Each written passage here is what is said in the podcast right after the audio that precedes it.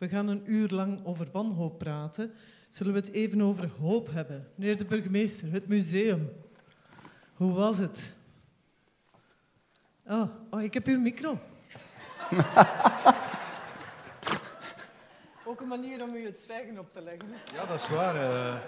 Die is voor u. Ja, het museum. Uh, woorden schieten tekort. Hè. Het uh, Huis van de Vlaamse Meesters in Antwerpen is terug open na amper elf jaar van verbouwingen. Wat in het museale landschap ook niet zo uitzonderlijk is. Ik zit al helemaal even te wachten om het Pergamon-altaar in Berlijn te gaan bekijken. En om de tien jaar zeggen ze daar, moet binnen tien jaar terugkomen. Um, dus het is niet, niet zo uitzonderlijk, maar natuurlijk de opluchting van het huis terug te openen, dat uh, kunsthistorisch toch, toch, ik zal niet zeggen dat het het Louvre is, maar het zit daar toch vlak onder. Europees is dat toch wel van betekenis. En het is uh, ook een huis dat heel veel geschiedenis vertelt. En laat dat nu net mijn hobby zijn. Hoorden ze mij niet? Jawel, jawel maar ik, ik, ik spreek gewoon verder. Ja. Hoe was het voor u om daar gisteren mensen te mogen ontvangen? U had het waarschijnlijk al eerder gezien. Welk gevoel gaf het u? Ik ben uh, op die werf, ik heb daar elke fase van gezien, van de ruwbouw tot, tot uh, de heropening en het praten met de mensen die er binnenkomen. En dat, uh, dat, ja, dat is emotioneel, hè, van zoiets te mogen beleven, van, van daar kunstwerken te zien, aanbieding der koningen van Rubens. Een verhaal dat ik al kende uit het stripverhaal van Willy van der Steen voor ik het schilderij ooit zag. En dat natuurlijk een prachtig kunstwerk is. Eh, maar dat ook het verhaal van de contra-reformatie vertelt, het verhaal van de Sint-Michielsabdij die ooit op de Scheldekaaien heeft gestaan, het vervlechting van de wereldlijke en de, en de geestelijke macht en alles wat daar uh, mee gebeurd is. Uh, en ook de neergang, uh, want die Sint-Michielsabdij is er vandaag niet meer. Dus dat is een huis waar je als een stripverhaal onze hele Europese en Vlaamse geschiedenis kan, kan vertellen aan mensen die, die, die letterlijk tot leven komt, tot beeld komt. Is die Rubens uw topwerk? die specifieke Rubens is voor mij een topwerk naast vele andere natuurlijk. Dat Madonna van Fouquet, dat is, dat is een verbluffend kunstwerk. Dat is zoiets in de 15e eeuw is geschilderd. Als je zou zeggen aan mensen die het nooit gezien hebben, dat is vorige week geschilderd of afgeleverd. Je zou dat daadwerkelijk geloven. Dat is een, dat is een verbluffend werk. En ook de Ensor-collectie. Er is zoveel in dat museum. Uh, dat op een unieke manier wel, wel tot leven wordt gebracht. Hè, want het is gebaseerd op het Kunsthistorisch Museum van Wenen. Ik ben daar speciaal deze zomer nog eens gaan kijken. Want daar is de architect eh, Winders eh, zijn inspiratie gaan opdoen. Uh, maar het museum in Wenen is natuurlijk nog altijd een heel klassiek museum waar je van schilderij naar schilderij gaat, gemiddeld acht of negen mhm. seconden naar, naar verluid. Je leest het etiketje, gaat naar het volgende. Uh, dat is natuurlijk niet meer wat je in de 21e eeuw van een museum mag verwachten. Hè. Daar moet iets van een beleving, een, een bevraging uh, van, de, van de bezoeker aan, aan, gekoppeld worden nu. En dat heeft men ook getracht in de, in de daarstelling van die kunst te ja. bereiken. En dat resultaat is, is verbluffend. Ieder voor zich moet het bekijken. En, en, en allen daarheen. Ook ja, als allen daarheen is, blijven stijgen, kunnen ons wel, het, het is zo dat, dat natuurlijk die schilderijen die moeten een bepaalde temperatuur hebben. Dus je kunt daar niet de thermostat uh, naar beneden zetten. Dus wellicht 20 eh, euro toegang is dat goedkoper dan een avond eh, thuis door te brengen. En, en is, er dus, is het ook economisch heel interessant, zelfs al bent u een, een kunstbarbaar, om meneer, daar zoveel mogelijk tijd door meneer, te brengen. Meneer de burgemeester, dat was niet uw beste kwinkslag in deze energiecrisis. Om te zeggen dat iedereen daar maar moet komen kamperen in plaats van thuis zijn energie... Uh... Humor is iets heel persoonlijks. Iets in the eye of the beholder, uh, Ivan. Uh, het feit dat u er niet mee kan lachen, betekent niet per se dat het een slechte oh, ik kon, ik kon er best mee lachen, maar ik weet niet of iedereen ermee kan lachen. Ja, of natuurlijk in het zeer heigerige, hyperventilerende klimaat dat onze media dag na dag creëren, kun je op den duur met niks nog lachen. Met niks nog lachen. Oké, voilà. Ja. We, zijn al maar de dag dat we niet meer lachen, amai, uh, we, we hebben wel wat erger dingen meegemaakt hè, in deze stad. We zijn al bijna waar we moeten zijn. Ivan, jouw boek Wanhoop in uh, de Wetstraat, ja. daar is geen elf jaar aan verbouwd. Hoe lang uh, heb je... Wanneer ben je eigenlijk beginnen schrijven aan dit boek? Um, 2021. En dat is denk ik ook meteen het grootste gebrek van het boek, vind ik. Namelijk de inleiding gaat heel sterk, of spitst zich heel, heel sterk toe op de coronaperiode. Volgens mij um, een, een, teken aan de wand was. En misschien het, het, ergste wat we hadden meegemaakt. En dus ook misschien het meest ingrijpende voor hoe we tegenover politiek zouden kunnen staan. Leiden tot wantrouwen, kloof, gaan kijken naar cijfers. Uiteindelijk denk ik dat die energiecrisis ehm, mocht ik nu de tijd hebben, um, er zeker in die inleiding bij zou zetten. Want ik heb bijna de indruk dat nu met die energiecrisis de radeloosheid van mensen om hun energie... Ja, dat je dus met een nog groter wantrouwen zit en nog meer verwachtingen, want dat speelt ook een rol, nog meer verwachtingen naar overheid om te helpen. Dat is ook een, een, een, heel punt hierin. Wat verwachten we eigenlijk van de overheid? Verwachten we van de overheid dat die een volledige factuur terugbetaalt? Op sommige momenten denk ik wel dat het in de geest van de mensen zit en dat voedt inderdaad dat wantrouwen. Ja, bij corona waren we al bij al nog vrij gehoorzaam. Hè? In het begin wel. In het begin, eh, professor Walgraven heeft toen uh, voor ons de stemming gedaan. In 2020, in het begin bleek zelfs dat het vertrouwen gestegen was. Als je kijkt naar de tevredenheid, want zo wordt dat gemeten. Gestegen omdat men de indruk had van allez, allemaal samen achter die politiek. Nadien is het wat minder geworden, is het ook geradicaliseerd, uh, denk ik. Nu, wanhoop in de wedstrijd. Wanhoop bij wie? Bij wedstrijdjournalisten of bij oh, politici? Eh, bij politici, bij journalisten en bij publiek. Namelijk, ik denk dat er verschillende elementen zijn. De wanhoop zit voor een stuk bij de traditionele partijen die in de afgelopen dertig jaar hun scores gewoon helemaal naar beneden hebben zien donderen. Tot op een bepaald moment er in een peiling, ook bij ons, door professor Walgraven, sprake was van vier partijen Groen hoorde daar toen ook bij, die 10% haalde, 11% eigenlijk. En toen hebben we over de vier elfjes gesproken. Mhm. Dat heeft voor wanhoop gezorgd binnen die partijen. Dat heeft nu nog altijd implicaties in de Vlaamse en in de federale regering. De manier hoe die partijen naar politiek kijken, daar tegenover willen gaan. Ja, dat vertrouwen, de kloof met de burger. Wanhoop bij het publiek ook? Wanhoop bij het publiek en denk ik ook wanhoop bij ons, omdat ik draag die politiek en laten we zeggen het systeem, representatieve democratie gekoppeld aan een rechtsstaat, draag ik wel een zeer warm hart toe. En ik zou eigenlijk wensen dat het verdorie beter functioneert. Dus ook een stuk wanhoop bij mijn beroepsgroep. En ook als ik kijk naar ehm, hoe mijn collega's dit onthaald hebben, heb ik de indruk dat dat wel inderdaad leeft. Ben jij nu wanhopiger dan toen je 30 jaar geleden begon? Ja, omdat uh, ik denk dat de situatie ernstiger is, dat de kloof groter is het wantrouwen groter is. Daar zitten ook sociologische um, redenen uh, achter. Uh, maar ja, ik, ik denk dat echt. En de derde reden is, ik weet er meer van. En hoe ja, meer dat je ervan weet, hoe... Hoe wanhopiger je wordt. Wanhopiger je eigenlijk wel wordt, ja. Eigenlijk wel. Ja. ja. Meneer De Wever, bent u wanhopiger dan 30 jaar geleden? Uh, nee. Nee, ik was 30 jaar geleden ook al tamelijk wanhopig. uh, kan ik me voorstellen. Maar ik denk wel dat we een soort uh, ja, Weimar-republiek uh, moment aan het beleven zijn. Eh, dat denk ik wel. Hoe het probleem. Wel, als ik de laatste peiling zag en ik dacht, stel dat dat nu de uitslag is en dan heb je zo'n taartje met de zetelverdeling in het federaal parlement, ja, dat is dus de Weimar-republiek. Daar kan je helemaal niks meer mee. Het idee dat de groepen die daar vertegenwoordigd zijn, dus de twee democratieën opgeteld, van communisten tot, laat ons zeggen, uh, uiterst rechts, ik zal ze niet anders noemen, uh, en alles daartussen, om te zeggen, daar gaat een groep uit naar voren komen die in staat is om die twee democratieën te overvleugelen in één krachtig uh, antwoord, die kans is vrijwel onbestaande. dat gebeurt dan nog eens in een Europese context, waar mm -hmm. denk ik alle, een westerse, maar vooral een Europese context, waarin alle bestellen eigenlijk al uh, zwaar aangetast zijn door het feit dat de welvaartsstaat overstretched is, zowel financieel als mentaal. Uh, overheden eigenlijk over het algemeen verouderd zijn ten opzichte van de samenleving, weinig talent nog weten aan te trekken, besluitvorming vaak gegijzeld is door belangengroepen en niet meer transparant. Dat is eigenlijk in alle westerse democratieën en vooral de Europese al aan de orde. Komt daar nog bij uh, de intellectuele cultuur die heel haak staat hè, op, laat ons zeggen, uh, de stemmen van het volk, zoals dat dan heet, zoals Machiavelli dat heeft beschreven.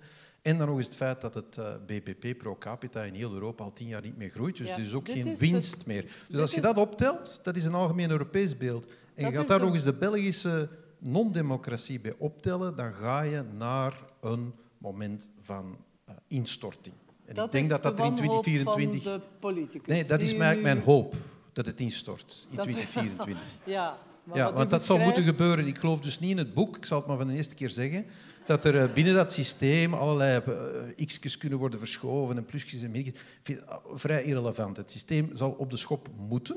Dit is niet meer herstelbaar. Ja, voelt u ook de wanhoop bij de mensen, bij het publiek? ja, die voelt je uiteraard wel. Hoe voelt u die? Hoe, wat wel, het verwachtingspatroon dat men heeft ten opzichte van de welvaartsstaat, dat kunnen wij onmogelijk invullen. Dat is al een onderdeel van het probleem. Hè? Dus die, die verhouding tussen wat kan de overheid precies voor u betekenen, uh, die zal toch moeten worden geherdefinieerd, of dat we dat nu graag willen of niet. Uh, dat zal zo zijn. Dat zal moeten gebeuren. Maar mag je daar één dingetje aan toevoegen? U politieke klasse helpt daar wel om die verwachtingen telkens te verhogen. Wat er in de energiecrisis allemaal aan ballonnetjes is gelost. Alle partijen door elkaar, tout confondu. Van, we gaan dat doen, we gaan dat doen, we gaan dat doen. En de maatregelen ja, die zijn gewoon een stukje minder. Uw klasse geeft eigenlijk het idee, wij kunnen dit oplossen, wij kunnen u helpen, u gaat niet lijden onder die energiecrisis. Laat me de spiegel meteen opdraaien, omdraaien en zeggen dat de media, en dan zeker laten we zeggen de populaire media die, die online komt, onmiddellijk ook een, een hyperventilerend, heigerig, uh, fan uh, van, van einde van alles sfeertje, uh, met foxpops van mensen die, die, die, waar alles in brand staat en onmiddellijk de vraag wat gaat de overheid hier aan doen om al die problemen van de mensen op te lossen. Uh, dat dat niet helpt. En dat politici daar inderdaad, uh, dan nog eens opgedreven door slechte peilingen, als, als, als, als poppetjes gaan beginnen dansen aan de elastiekjes die ze zelf niet meer controleren en gedoemd zijn om volledig te falen, dat is waar. Dat is mhm. zeker waar. Het is niet gemakkelijk om eraan te weerstaan, uh, meneer De Vedder, en uw beroepsgroep helpt daar ook niet bij. Ik heb namelijk de afgelopen week, dat is al opgevallen, een vrij volwassen poging gedaan om aan mijn partij te zeggen, we doen hier niet aan mee. Ja, je kunt niet 31 miljard tekort hebben, een vergrijzingskost van 20 miljard binnen enkele jaren, en zeggen dat je alle problemen van alle energiefacturen van alle mensen op staatskosten gaat oplossen. Ja, laat, ik die, laat, laat, ik die mea culpa dan meteen maar op mij nemen. Ik, ik wil er dat... nog op terug hoor, op de media, wees gerust. Dus, uh, ja, maar ik, ik, pak ze eh, meteen op mij. Ik heb het in uw boek een beetje gemist. Ja, dat weet ik, maar um, je, kan, je kan geen twee boeken door elkaar schrijven. Dus, uh, nee, ik, ga, ik wil even de professor erbij halen, Stefan Walgraven. Hoe meet je dat? Wanhoop of De typische manier waarop het gemeten wordt, is door surveys te doen. Hè?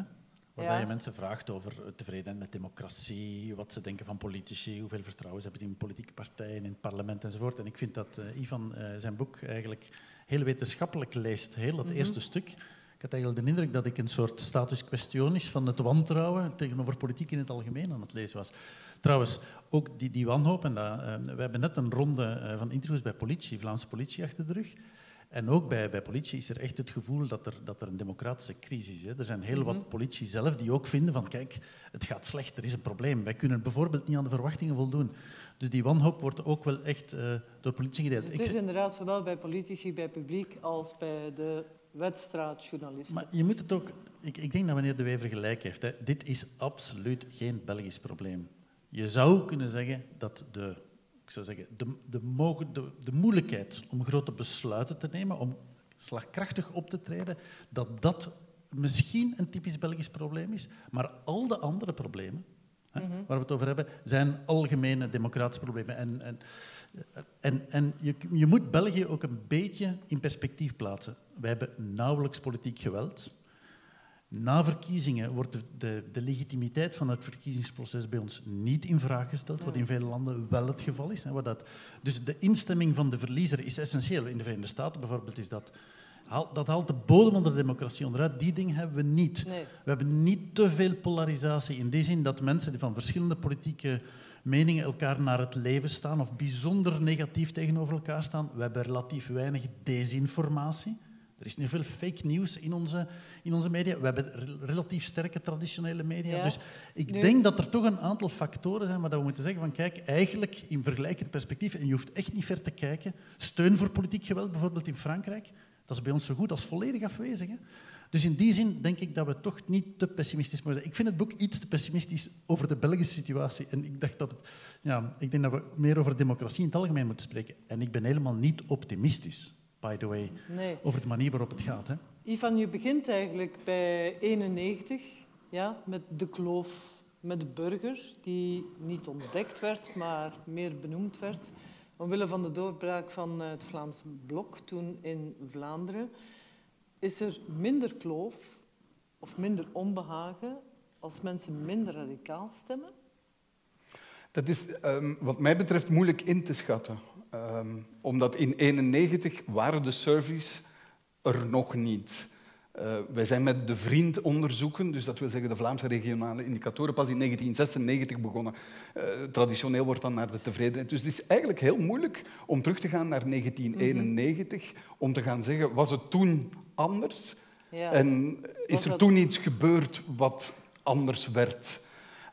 Ik denk zelfs dat het op dit moment veel erger is qua stemgedrag. Je zit met een systeem op dit moment waar mensen stemmen voor extreme partijen, wezen het aan de linker of aan de rechterzijde, in het idee dat ze op die manier vanuit een soort zweepgedachte een signaal kunnen geven aan die centrumpartijen die het allemaal zo slecht doen en erop rekenen dat net die centrumpartijen wel tot een oplossing zullen komen om een regering te vormen. Dat is het mechanisme dat we nu zien, wat er ook toe leidt dat je zeven, volgende keer acht, negen, tien partijen nodig gaat hebben om die regering te vormen. Dus het zou wel eens kunnen dat we nu eigenlijk veel verder zitten in die wanhoopsgedachte dan toen. Maar toen is het concept wel ontstaan en vanaf dan is men in de Vlaamse politiek als een heilige graal gaan proberen die kloof met de, de burger, te dichten. Maar, maar, je hebt natuurlijk ook die extreme partijen die, die het wan... Allez, dus wanhoop of, of ongenoegen is voor een stuk een zelf, zichzelf voedend monster natuurlijk. Zodra je politieke actoren had die in 1991 nauwelijks had die daarop kapitaliseren, ja, dan krijg je... Bijvoorbeeld als je, als je Vlaams Belangkiezers doorheen de tijd volgt, die worden wanhopiger doorheen de tijd doordat ze voor die partij stemmen, naar die partij gaan luisteren en daardoor ja, nog verder weggedrijven. Dus in die zin, en dat is nieuw. Hè, dat is niet nieuw, maar dat is iets wat we in 1991 niet hadden. Dat was een soort schreeuw. Maar er was, er was, er was niet echt, de wanhoop was niet gethematiseerd. Totdat die gethematiseerd is, er zijn actoren die daarop kapitaliseren, zowel aan de linkerzijde als aan de rechterzijde, waardoor die wanhoop eigenlijk gevoed wordt. En dat is natuurlijk iets wat ook Meneer helemaal anders is. Het is u wel gelukt met de NVA op bepaalde momenten om dat Vlaams Belang kleiner te krijgen. Had u dan het gevoel, ik heb die kloof met de burger gedicht? Uh, nee, want ik geloof daar helemaal niet in, in die analyse van de kloof. Ik geloofde die in 1991 al niet. Uh, toen ik nog een bijzonder jonge man aan de universiteit was en ik zag plotseling is er een kloof. Mind the gap. Uh, plotseling zou die er ineens gekomen zijn. Ik heb dat nooit geloofd. Er is altijd een kloof, laten we zeggen, tussen de elite maatschappelijk en het volk. Die is er altijd geweest.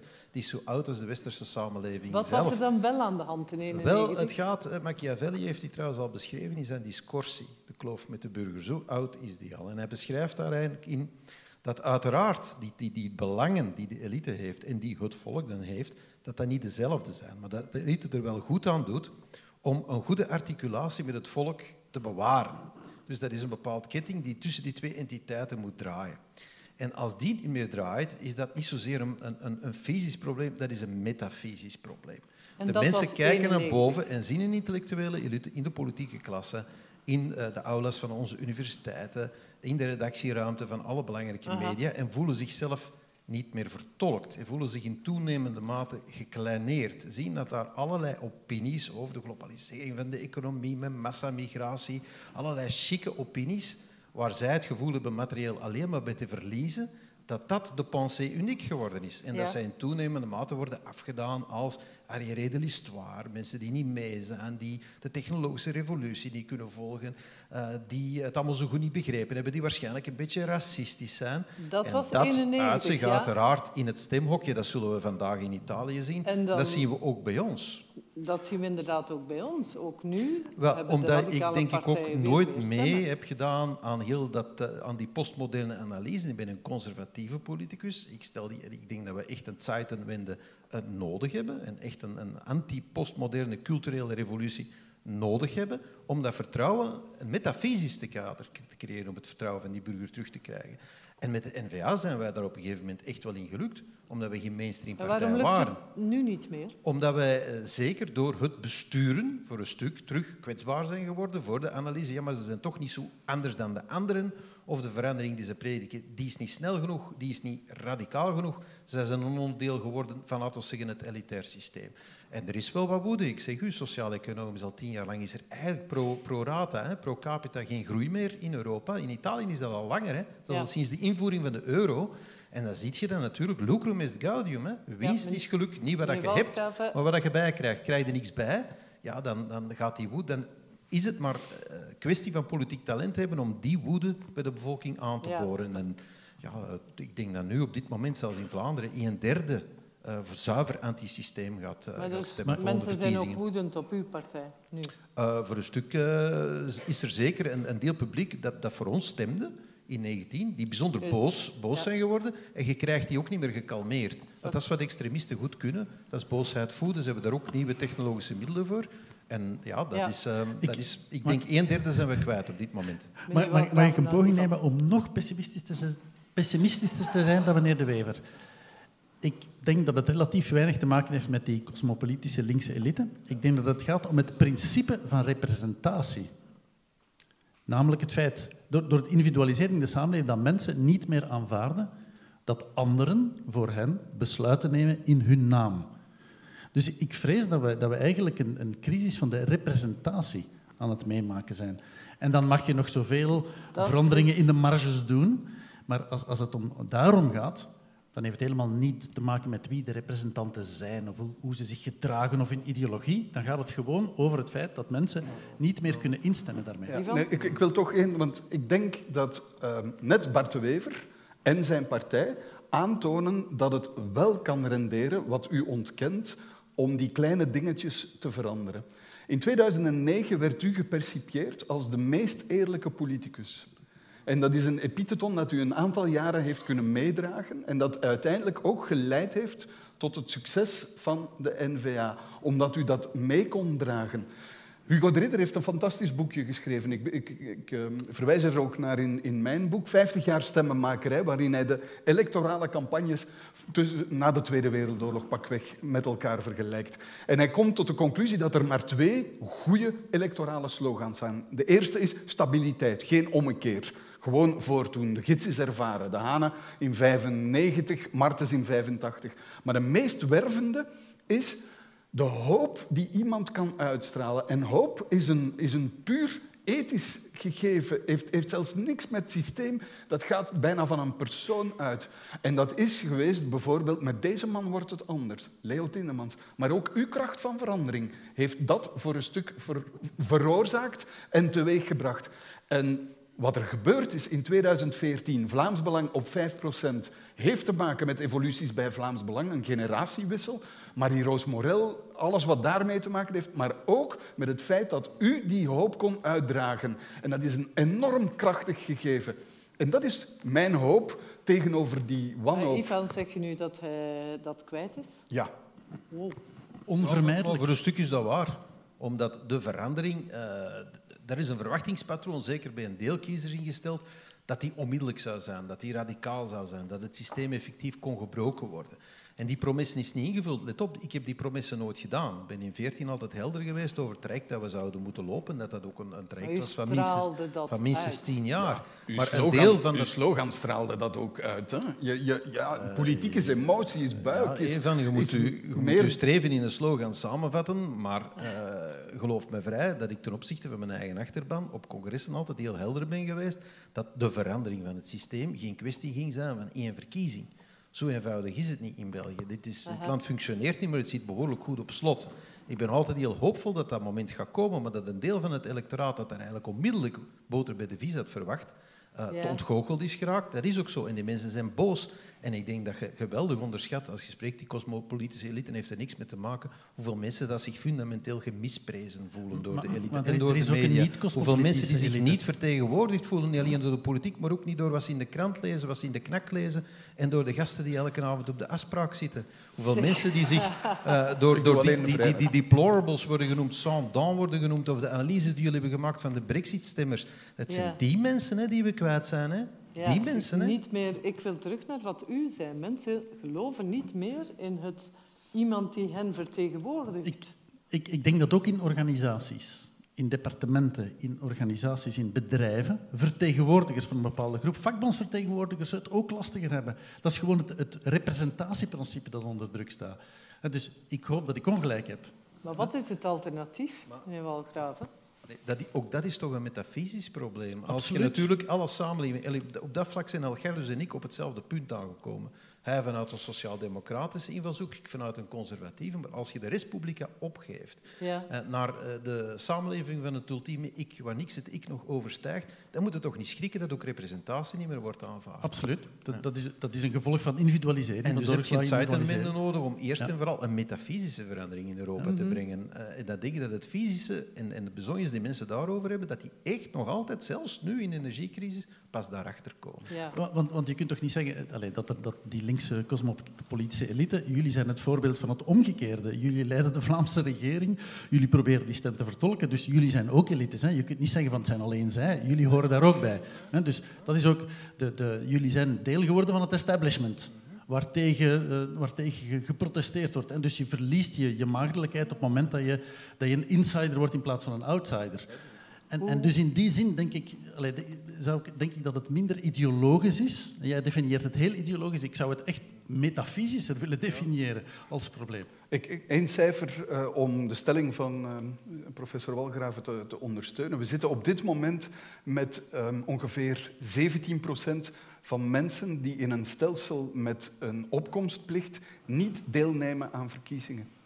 Dat was Of blanco stemmen. ja, nee, die 17 is niet deelnemen aan verkiezingen door blanco ongeldig of niet komen opdagen. 17 procent. Dat is de grootste politieke partij van, van het land. Dat zijn mensen die we gewoon kwijt zijn. In 1974 heb je ook zo'n moment gehad. 16,8 procent als je toen eh, optelde. Er is een probleem inderdaad met die vertegenwoordiging. Met het concept van En vertegenwoordiging. die, en die alternatieven zijn natuurlijk... er, er wordt veel geëxperimenteerd met allerlei soorten van democratische deliberatie.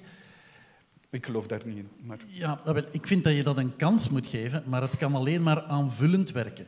Ja, Je dus, gaat altijd een soort representatie nodig hebben. De, er Meneer zoveel... Dus zullen we dat geloof in die representatieve democratie moeten herstellen? Absoluut. Ja. Zo, zo- daar, daar ben ik het volledig mee eens. Oké, Ivan, jij zegt in je boek de kloof met de burger, dus ook het geloof in de representatieve de- democratie, ga je niet dichten met rationele voorstellen, maar er zullen ook emotionele maatregelen Ja, nodig zijn. dat is wat ik daarnet vertelde over die, die hoop. Ehm, je gaat echt mensen ook, maar ik weet dat eh, meneer De Wever op een heel andere eh, lijn zit, maar ik ben daar wel van overtuigd dat het een eerste stap is die je moet zetten, waarin je terug naar dat concept van wat ik eerlijkheid heb genoemd, wat uit onderzoek dat we gevoerd hebben samen met Jan Kallebout. En ik zet eerlijkheid af niet tegenover liegen, ik zet dat af tegenover berekend, tegenover beredeneerd, tegenover strategisch denken, tegenover partijbelang en algemeen belang. Dat is eigenlijk het idee. En daar vind ik toch wel heel veel voorbeelden van als ik ga kijken naar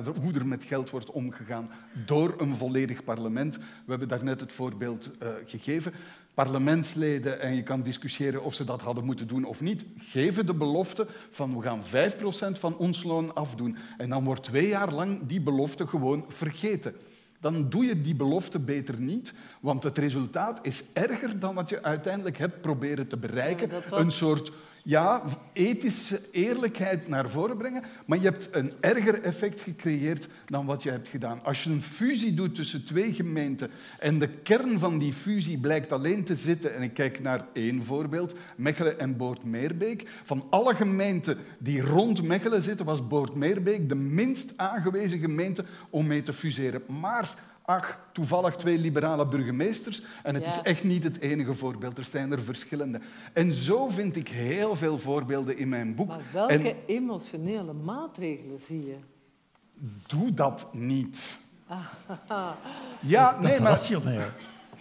zo onnozel, zo simpel is het dan ook volgens mij. Doe die belofte dan niet. Ja. Ja, recht uw rug en zeg gewoon, ja, wij blijven gewoon 5%. Of doe het wel als je de belofte doet. Da- daarover gaat het. In, in het boek zijn er heel veel mooie voorbeelden van die fout lopen in de politiek. hè. Dus ik, ik ben, ik denk dat we ongeveer van dezelfde leeftijd zijn, trouwens misschien heel het panel hier, dat ik dacht van, ah ja, inderdaad, zo zat dat.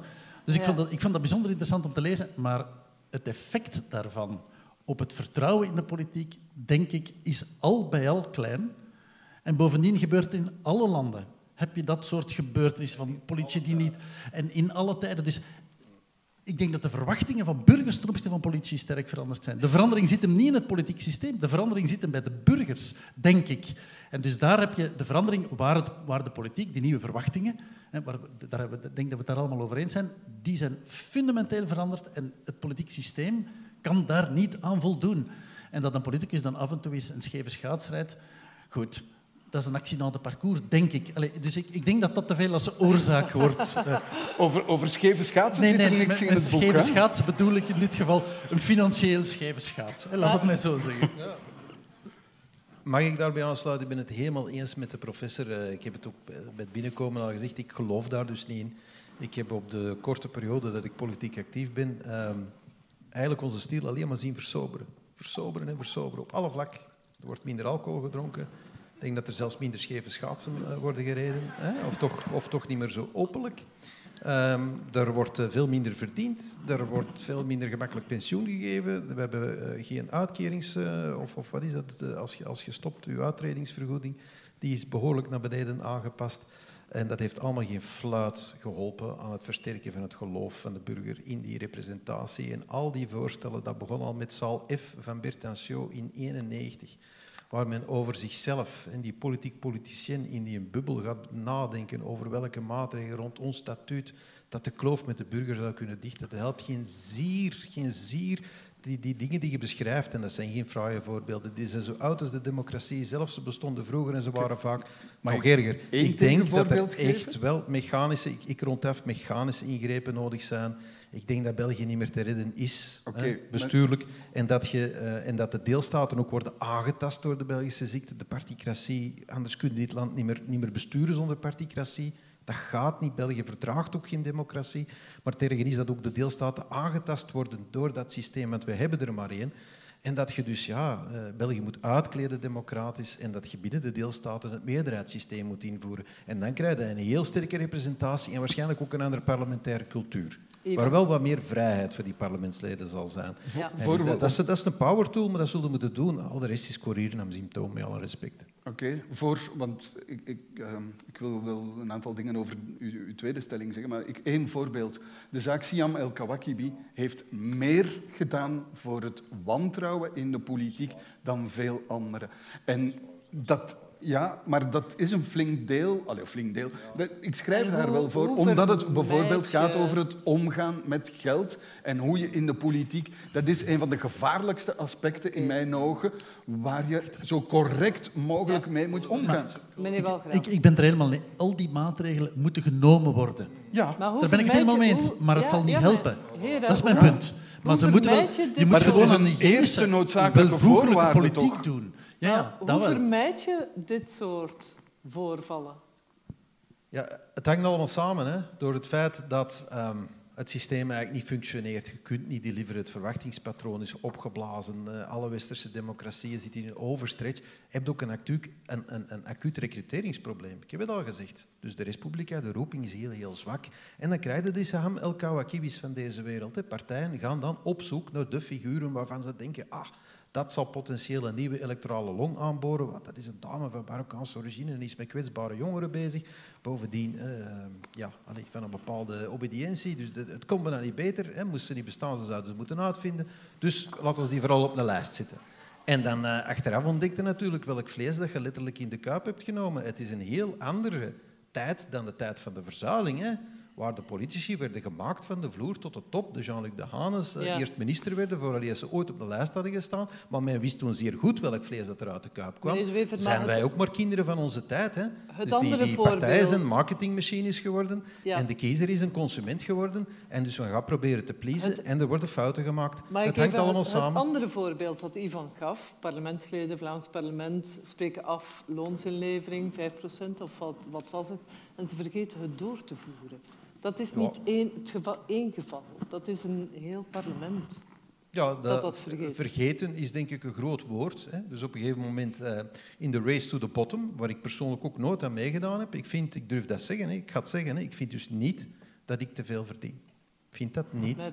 vind wel dat er te veel politici zijn. Ik vind dat er te veel parlementen zijn. Ik denk dat er behoorlijk wat weg kan. Federaal parlement, veel verdient. Schaft als- allemaal af. Maar ik vind dus, ik ga er niet aan meedoen aan die race to the bottom. Dus Maar- die 5% die is weer in zo'n typisch race to the bottom moment gestemd geraakt. Niemand had veel appetijt om dat uit te voeren. Ik wil dat in de VRT ook doen. Hè. Alle weddens van de VRT, min 10%. Waarom niet? Bent u er tegen misschien? Durft u dat zeggen in de zaal dat u er tegen bent? Mensen kunnen een trick niet meer betalen. Wie denkt dat je zijt? Je wordt toch goed betaald zeker? Nee. En je hebt een fantastisch pensioen. Kan wel wat minder, hè?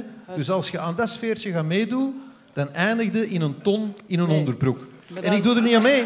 Ik doe er niet aan mee. En dus, Maar ik geef dat grief toe. U- u ik heb u gezien, op een gegeven moment dat is gestemd geraakt. Ik heb U- u gezegd van, ik ga u niet aandringen om dat uit te voeren. Eerlijk gezegd, je gaat dat niet geloven, dat dat is blijven liggen. Ik was dat op een gegeven moment gewoon vergeten.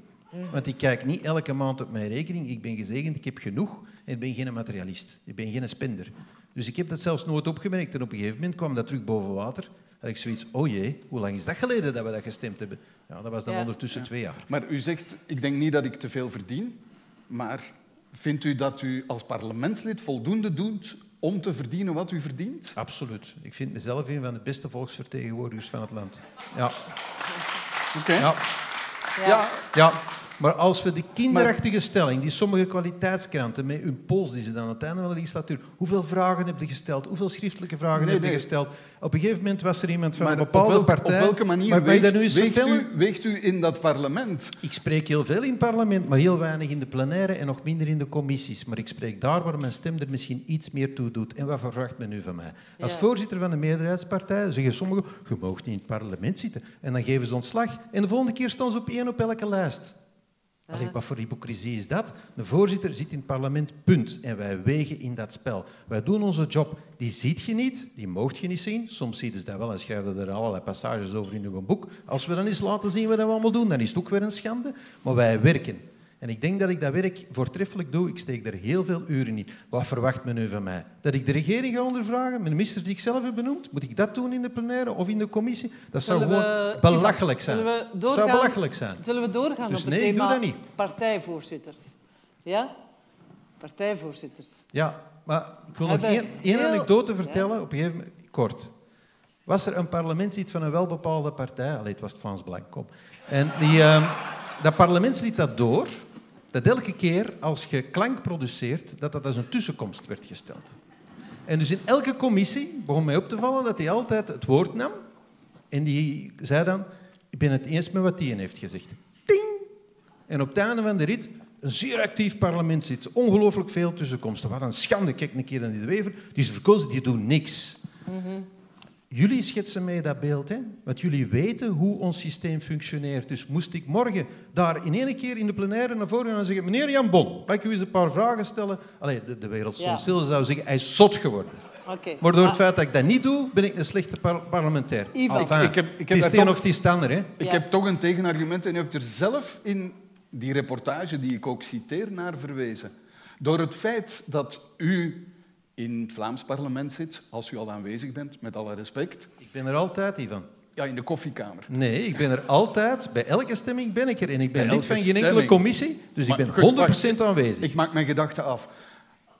U zegt zelf, we zitten in een systeem waar je niet eens, u verwijt ons heigerigheid, maar wij slagen er niet meer in, wij media, om alle voorzitters bij elkaar te krijgen, of zelfs een deel van de voorzitters bij elkaar, om te debatteren over punten zoals de energiecrisis. En eigenlijk zou je daar een cenakel voor moeten hebben, zoals in Nederland, waarbij je één parlement hebt en alle politieke leiders in dat parlement zitten. Ook dat is een ongelooflijk mankement in onze democratie. U gaat daarmee akkoord, Daar want u hebt dat ook in dat boek gezegd. Daar ben ik het mee eens, ja. En, en dus dat betekent dat er op geen enkel moment een soort debat is. Nee, het is een mediadebat. Het leidt ook tot Twitter-debatten, want Georges-Louis Boucher reageert dan op u via Twitter, enzovoort, enzovoort, Ja. enzovoort. Dit is een van de grootste mankementen in ons systeem gewoon. Ja, dat is waar. Dat is waar. Daarom dat ik zeg, ik ben voor het meerderheidssysteem. Dus eerst en vooral binnen België kan de democratie nooit functioneren. Vergeet dat. Dat is hetgeen dat ik bij elke onderhandeling als eerste voorstel van jongens, willen we alles afschaffen, de pariteit, de dubbele meerderheid, twee derde meerderheid. We gaan een kieskring invoeren over heel het land, one man, one vote, en we stemmen alles in het parlement. Iedereen lacht en de kaften gaan dicht. Dus democratie in België, no way.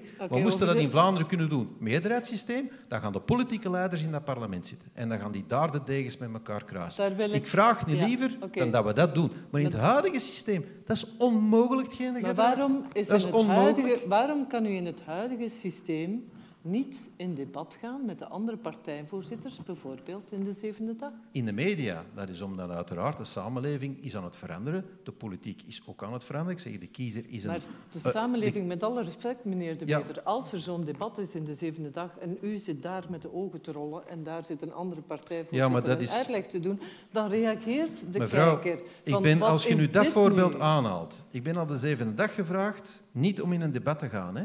Men heeft gezegd, we vragen u als gast. Ik ben dan in de studio geduwd en gezien dat ik aan tafel zat met een andere gast.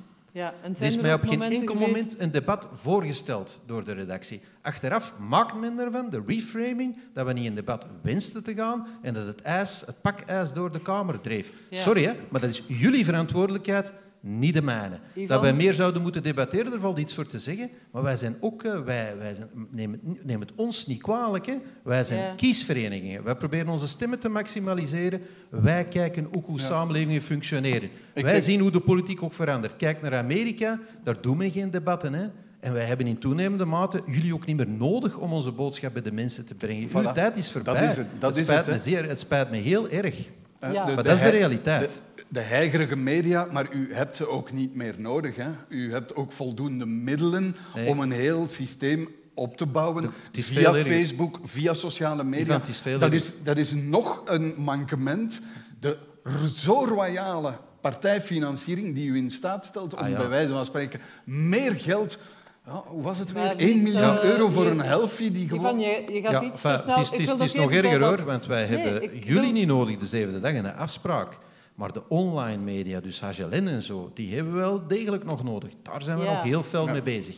dus het is nog veel erger dan dat je denkt. Ik heb dit weekend een kleine persoonlijke enquête gevraagd en aan mensen gevraagd van wat soort u bent u wanhopig uh, over de politiek. En wat het meest gezegd werd was, er is veel ruzie, maar weinig debat. Tja, maar is de, is de perceptie van mensen over de politiek ooit anders geweest dan maar dat. Maar debat is dus iets anders dan ieder die zijn eigen boodschap hoeveel, hoeveel procent van de mensen de denken dat je kunt lokken met dat debat? Hè? Een politiek debat op de zeven dagen op de afspraak, dat is als een voetbalploeg die gaat spelen. De mensen die in het stadion zitten, dat zijn uw kijkers. Die gaan hun voorkeur nooit veranderen. Per definitie valt er daar niks te winnen. Als je een slechte prestatie levert, kun je zelfs verliezen. Niet dat de mensen hun voorkeur gaan veranderen, maar ze zeggen die speler trekt of niks, of de coach trekt of Meneer niks. Walgraven, dus zou u het graag als je wilt gaan scoren, dan moet je het doen daar waar die volatiele consument zit. Maar die zit niet bij jullie. Die zit niet bij jullie. Het spijt me zeer. En alle voorzitters redeneren zo, omdat wij nu eenmaal op stemmenmaximalisatie aansturen. Hè. Sorry, hè. Ik, ik, ik zou inderdaad uh, een, een, meer rechtstreeks debat en niet via Twitter en niet via allerlei mediazinnetjes. Ik denk dat dat echt wel een, een meer rechtstreekse confrontatie en ook duidelijkheid en transparantie zou creëren. Want, want je, Parlementair dan bedoel ja, je? Ik, ik denk dat het voorstel, bijvoorbeeld, ik, ik denk dat uh, Christophe Calvo voorstelt dat uh, de partijleiders de fractieleiders zouden worden in de Kamer of in het Frans parlement. Het Nederlands systeem. Ja, Ik, vind dat, ik, vind dat, ik zou dat echt een goed systeem vinden. Waar, nu heb je een voorzitter die buiten de meerderheid staat mhm. en die voortdurend de meerderheid uh, bekritiseert. Met, en dat, dat is een totaal onwerkbaar systeem. Dus ik denk meer eenheid van spreken van partijen. Dat is eigenlijk bijna meer particratie, by the way. Mm Dus meer, meer homogeniteit in de partij en één stem. En dan in het parlement best. Ja, om het parlement, ook die rol te geven. Ja, welk parlement? Dat is dan, laten we ons toch maar op het federaal parlement houden in dit geval. Onmogelijk. Dat is onmogelijk. onmogelijk. België een democratie. Eigenlijk zou ik ervoor moeten zijn, want als je de democratie op België loslaat, dan valt dat land binnen een jaar uit elkaar. Dus ik zou er eigenlijk voor moeten zijn. Maar dat zal nooit gebeuren, net om die reden. Men gaat dat niet toestaan. Je zult eerst een democratische context creëren en dan kun je dat. En dan zou ik er ook voor zijn. Wat bedoel je met men zal dat niet toestaan? Het systeem dat eigenlijk uh, zich zo verankerd heeft, ook constitutioneel verankerd heeft, om vooral uh, samen te kunnen... Allee, het is bijna degene die voor verandering preekt, die, die, die wordt in de woestijn gestuurd. Hè. Uh, Men zal nooit dat soort ervoor. Men gaat daar lippendienst aan bewijzen, zoals men dat zo vaak doet. Maar als er echt, zoals de partijfinanciering afbouwt, men spreekt erover. Wow. Dan moeten we een aan betalen. Hè? Dat is uh, waarschijnlijk zo'n kastje dat je muntjes moet insteken. En, uh, volgens, mij, volgens mij moeten we nu allemaal naar het museum. Het is daar warm en daar is licht. Ja, dat is waar. En het is een Vlaams museum, dus uh, Vlaanderen betaalt de rekening. Dus, uh, Okay, uh, maar ik denk dat je dat uh, niet moet onderschatten. Dat uh, als je België nog wilt samenhouden, dan zult je de democratie maximaal buitenspel moeten zetten. Okay, en ondanks het feit dat ja. iedereen dat ontkent, weet iedereen, iedereen weet dat dat dus waar is. Hè. Al maar, die maar, voorzitters van die partijen, die weten dat. Daar en al de rest is gewoon flauwekul dat die vertellen. Daar juist zei je toch van, kijk, het is een algemeen probleem in westerse landen. Ja, ja, maar hier en nu zit je voortdurend over België te Ja, nee, ik heb eerst gezegd, alle westerse democratieën, ja. straks de uitslag in Italië zitten, zitten met een aantal structurele problemen. Maar bij ons zijn die fundamenteel erger. Wij zitten in de economische ruimte van Nederland en Duitsland en we hebben parameters erger dan Italië en Spanje. Dus het is gewoon erger. Het systeem Ivan. delivert niet. Het faalt. En het Ivan. verdraagt vooral geen democratie. Het is ook geen democratie. Maken de partijvoorzitters jou wanhopig? Oh, uh, de, niet, niet zozeer de partijvoorzitters. Ik denk dat, dat daar... Uh, zij functioneren ook maar in, in dat systeem. En zoals ik zei, ik zou een aantal andere dingen heel graag willen zien waarin ze wel functioneren. Maar ja, meneer De Wever heeft een punt. Uh, ik vind bijvoorbeeld ook een federale kieskring wordt naar voren geschoven um, door een aantal, vooral Franstalige partijen, maar ook binnen Vivaldi, een aantal Vlaamse partijen. Maar ofwel doe je dat dan voor alle verkiezingen. Dat zou eigenlijk een heel goed systeem zijn, dat je dus naar de volledige kieskring gaat en daar niet alleen 15 mm parlementsleden, maar dus iedereen. Ja. En bovendien moet je dan ook consequent zijn in mijn ogen, namelijk wie het meeste stemmen haalt, krijgt ook proportioneel het meest in zo'n federale kieskring. En dan moet je niet op voorhand bijvoorbeeld zitjes... En dat soort voorbeelden is natuurlijk een blokkering. Langs de andere kant, meneer De Wever, ook met onderhandelingen gaat u er niet komen. Bonne chance in 2024 om via onderhandelingen te komen tot de droom. Of het nu een meerderheidsstelsel is, of een confederalisme, of een onderhandelde oplossing. En dus is de kans zeer groot dat we ook in 28, 29 enzovoort verder gaan op deze manier. En dan denk ik, mm, het zeker. systeem veranderen is zo moeilijk. Ik heb al zo vaak het beeld gebruikt van een fiets waarop je aan het rijden mm. bent. En als je erop aan het rijden bent en je probeert die herstellen, dan ga je op je bek. En dat is het risico. En ja, dan ligt die democratie met toch iets te na aan het hart. Als je op een bek eh, gaat, en, en, ik denk dat dat zou kunnen gebeuren, daarom ben ik niet zo zeker dat we dat gezegd waar is, dat er met onderhandelingen niet gaat komen, die kans is vrij groot. Maar als we op onze bek liggen, is dat misschien ook wel eens de kans om op een andere fiets te stappen. En misschien moeten we daardoor, hè. Ja. Je bent... En het zou best wel eens kunnen dat je met onderhandelingen ook geen, ook geen regering niet meer maakt. Nee, maar die democratie heeft wel een economische component. Als je op je bek ligt, dan leg je de samenleving stil. En dat heeft consequenties voor het welzijn van, uh, van iedereen. Dat vind ik bijna onverantwoord. Ja? En de status quo is wel verantwoord. We nee, het hoogste het is, begrotingstekort, de schuldgraad, het hoogste is beter, belastingen het is beter dan van een heel de OESO. Het is beter dan is een crash. een crash. Het is een crash. Er is geen enkel verantwoordelijkheid op dat Belgisch niveau, omdat er mensen vanuit gaan dat iemand anders aan het einde van de rit de schulden nee, wel zal mag betalen. ik toch nog eens... Moet er iets Allee, het hoogste begrotingstekort van heel de OESO-zone. Ik wil toch nog eens... Hoe doe je dat? Moet er iets veranderen aan dat statuut van die partijvoorzitter? U signaleert zelf het probleem van de recrutering van mensen in de politiek. Mm -hmm. Ja, als je met zo'n machtige partijvoorzitter zit, dan degradeer je het parlement. Want u komt tussen als het parlement iets wil doen wat u niet zint.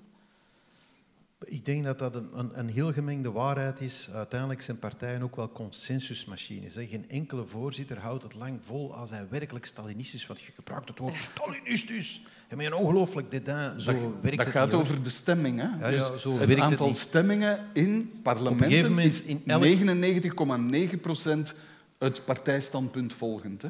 Dat is Stalinistisch. Het, uh, wow, wow, wow, het, het regeerakkoord respecterend, en zo hoort het ook. Hè. Nee, ook de oppositie zit in een 99,9 procent stemgedrag. Ja, als de oppositie haar eigen partijstandpunten dan niet meer volgt, dan, dan zou het al helemaal straf zijn. Ja. Zelfs in, in, in Engeland, waar je dus nog grote parlementaire vrijheid, want je moet dat first past the post zijn, dus uw kieskring is echt wel dwingend, dwingender dan uw partij.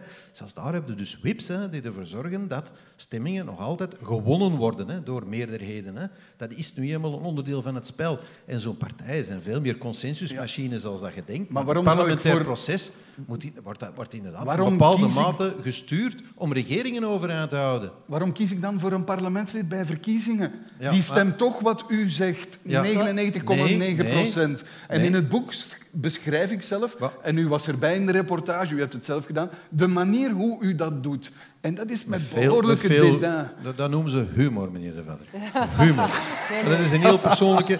Dat is, dat is blijkbaar iets heel persoonlijks. Ik heb een humor die niet bij iedereen aanslaat. Ik heb dat al ondertussen begrepen. Ivan zegt maar wij ook maken, in zijn boek, allee, kies met zeven alle respect, partijvoorzitters en, en daarmee uit. Oh, dat, dat, zou mijn leven niet helemaal gemakkelijk maken, natuurlijk. Maar allee, dat is een beetje simpel. Hè. Die parlementsleden die hebben controlerende functies. Parlementen kunnen ook wel iets in beweging brengen. Of los van partijtucht. Controlerende functies. Als de minister zelf moet suggereren om een onderzoekscommissie te instellen. Een minister die gecontroleerd moet worden door het parlement. Een... Waar is dan de controlerende functie dat van uw een, parlement? Dat was inderdaad een strafmoment, wow. dat moet ik wel toegeven. Ja. Dat is echt dat is het toen, toppunt van parlementaire controlefunctie. Ah, dat is nu straf. Nu, als er is iemand off script gaat van de voorzitter, dan is het weer niet goed. Maar het is de minister die gecontroleerd moet worden, die zelf vraagt om gecontroleerd... Dus dan dat heb ik er ook gezegd.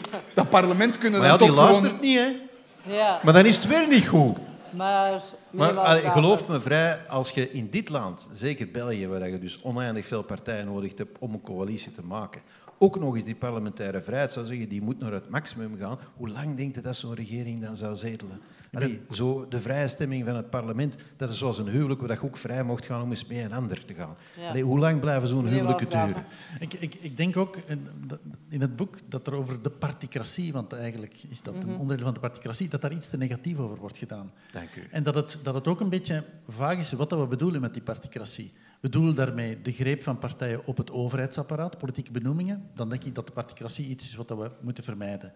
Bedoelen we met de particratie de greep van partijen op het beleid? Dan zou ik zeggen, dat is democratie. Want er zijn zeven partijen, die komen met een programma. Dat is meer dan diversiteit genoeg. In de Wevers en systeem zullen er maar twee partijen zijn. Dat is veel te weinig diversiteit volgens mij. Maar goed, we hebben zeven partijen. En dus dat is de manier waarop het werkt. Partijen is dat collectief moment in een democratie. De greep van de partij op het parlement. Dat is nog iets.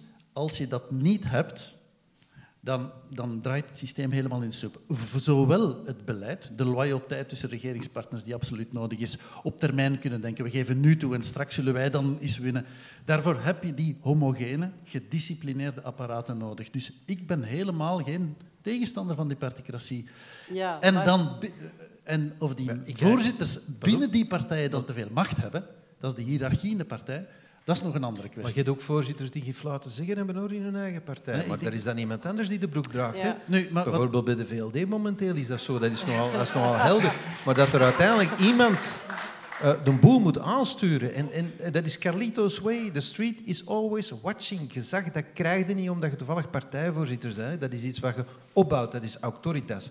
En ons systeem heeft dat op dit moment nodig. Maar het zal u verrassen, ja. ik ben daar eigenlijk maar... zelf geen fan van. Dus het ja. Anglo-Saxisch systeem, het is niet voor niks dat ik dat wil overnemen, omdat dan de macht nee, effectief hoor, terug naar dat parlement. Het is, het is hoor, transparanter en het is vrijer. Ik hoor professor Walgraaf ook zeggen, partijvoorzitters die de loyaliteit binnen de regering verdedigen. Dat gevoel heb ik helemaal niet nee, bij de huidige dat gebeurt op dit moment. Ik zal niet zeggen, we gaan geen namen noemen, maar dat is, dat is het grote probleem. Oh, ik zal wel namen ik pleit onschuldig. Ja.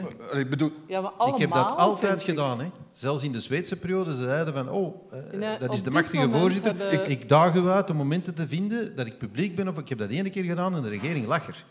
Partijvoorzitter verdedigt op dit moment zijn partij, niet de regering. Ik verdedig altijd de regering en de mensen die er deel van uitmaken. Op, altijd. Op dit, altijd gedaan. Op dit moment is er een gigantisch gebrek aan Allee, politiek. De regering waar ik in zit, hè, vooral. En ik heb het, ik, ik heb het niet over, over u, maar er is een gigantisch gebrek aan politieke hygiëne. Als je persconferenties hebt waar een vicepremier mee aan de tafel zit, ja. samen met een voorzitter, om kritiek te geven op die regering vicepremier die nota bene het regeerakkoord moet verdedigen en daar worden elementen aangedragen van we gaan het regeerakkoord openbreken, dan denk ik van waar zijn we in godsnaam mee bezig? Je hebt voorzitters die doen alsof ze ministers zijn en je hebt ministers die doen alsof ze voorzitters zijn. En mensen weten niet meer wie wat is. Er is een complete verwarring, er een complete cacophonie.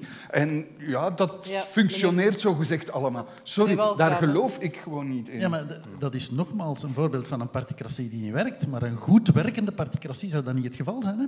In een goed werkende particratie heb je voorzitters die loyaal zijn aan de regering, die de regering steunen, die hun troepen in de hand houden. En individuele parlementsleden kunnen een rol spelen binnen de partij. Dus de bedoeling is dat, dat, een partij, dat er uiteraard een debat is en dat eens er een debat is, moet een partij een phalanx zijn. Zo, zo, zo, werkt het nu eenmaal in een systeem waar je veel partijen hebt. En in een systeem met veel minder partijen kun je je wel permitteren om dissidentie te hebben. En heb je de WIPs nodig om die parlementsleden die allemaal naar hun eigen kieskring aan het luisteren zijn, om, die, om toch een grote meerderheid daarvan op dezelfde lijn te krijgen. Dus ik denk in het systeem zoals wij het kennen, en heel veel systemen, ook in Nederland is de particratie en de partijdiscipline bijzonder hoog. In Frankrijk, in de meeste landen. In Nederland stemmen ze gewoon per fractie. Ja. ja. Maar waar, waar zit dan de controlefunctie van het parlement? Een, een parlementslid van uw partij, Cathy Koudijzer, zei het is de taak van een meerderheidsparlementslid uh, om de meerderheid te steunen. Ja, dan heb je geen controlefunctie meer. Dan moet je zeggen, het parlement heeft geen controlefunctie meer. De oppositiepartij die in het parlement Maar de oppositie heeft altijd de minderheid. dus de controlefunctie wordt door de minderheid uitgevoerd en verliest altijd. Dan moet je gewoon zeggen dat een parlement geen controlefunctie heeft. Dat is niet juist. Hè. Allee, met uw eerste deel van analyse ben ik het trouwens volledig eens. Hè. Ik zie dat op twintig jaar ook die degradatie van die politieke cultuur, ook, het gedrag van die voorzitter vis-à-vis meerderheden waar dat ze in zitten, zeker op het federaal niveau. Maar ik zeg het, elke kanker van federaal tast ook de deelstaten aan. Dat is ongezien. En wat we de laatste jaren hebben gezien, dat is werkelijk dat is met geen pen te beschrijven. Hoe dat sommigen zich gedragen. Alleen om Boucher niet met naam te noemen, sociale woningen, drie, drie vicepremiers in het parlement die discussiëren over het regeerakkoord tijdens het vragenuurtje. Zal, ja, dat zal zeker zo zijn. Hè. Zoals ik zeg, hè, die kanker straalt uit. Dat, dat er sommige debatten ook los... Je moet ook weten wat je wilt. Hè. Oftewel moet de meerderheid effectief, zoals dat gezegd, uh, het open debat durven aangaan in het parlement. Dat is toch je vraagt. Ja. Oftewel moet de meerderheid zichzelf afschermen. Het valt me wel op dat elke keer als er gebeurt wat je vraagt, dat je zegt, allee, dat is toch ongehoord. Nee, maar dan moet het consequent worden doorgevoerd. Hè? Dan voeren we het consequent door. Hè? En nu is het niet consequent. Maar goed, ik heb u onderbroken. Je dan zeggen, ik, was u, dat... ik was u een keer volledig gelijk ja, aan het geven, daarom, maar je hebt mij onderbroken en met een draad... Daarom dat ik het probeerde terug op Dat moet ik wel zeggen, wat ik nu zie. Hè, dus, dus, ja. dus voorzitters die de plaats innemen van ministers, die, die, de, dan, dan ministers die samen met een voorzitter uh, persconferenties geven, die, die, die, die, het beleid platbranden dat ze zelf hebben, hebben bepaald. Die, die, dat is ongelooflijk. Mensen die Facebook-ads plaatsen voor een onderhandeling... Ik heb dat nu vorige week, ik zie een Facebook-ad. Ik eis, betalen op Facebook. En ik zeg, maar we gaan onderhandelen over budget. Je adverteert op Facebook voordat we binnen Maak het eens dus concreet. Het gaat over onvoorstelbaar. Sammy Medi die de kinderbijslag... Ah, wel ja, nu dat je het zelf zegt, maar dat is toch ongelooflijk? ik heb dat nog nooit gezien. En, maar dat heeft ook iets te maken met die wanhoop. Die peilingen zijn allemaal slecht. Iedereen wil twee tiendekes winnen. Ja. Uw voorzitterschap hangt ervan af. De symbolische grens van het 10%. Dus dat heigerig, hyperventilerend sfeertje, dat komt ook binnen. En dus we moeten onze achterban pleasen. We sluiten een stikstofakkoord, ja, maar we gaan alle boeren oproepen om een bezwaarschrift in te dienen. Okay, Wat is het nu eigenlijk? Dat is zelfvernietiging. Dat is zelfvernietiging. En wel, zo krijg je wanhoop en onbehagen, toch? Uh, ja, big time. big time. Er is een oefening in, in, totale zelfvernietiging bezig. Dat ben ik eigenlijk wel mee eens. Maar ik zie dat als het Weimar-moment.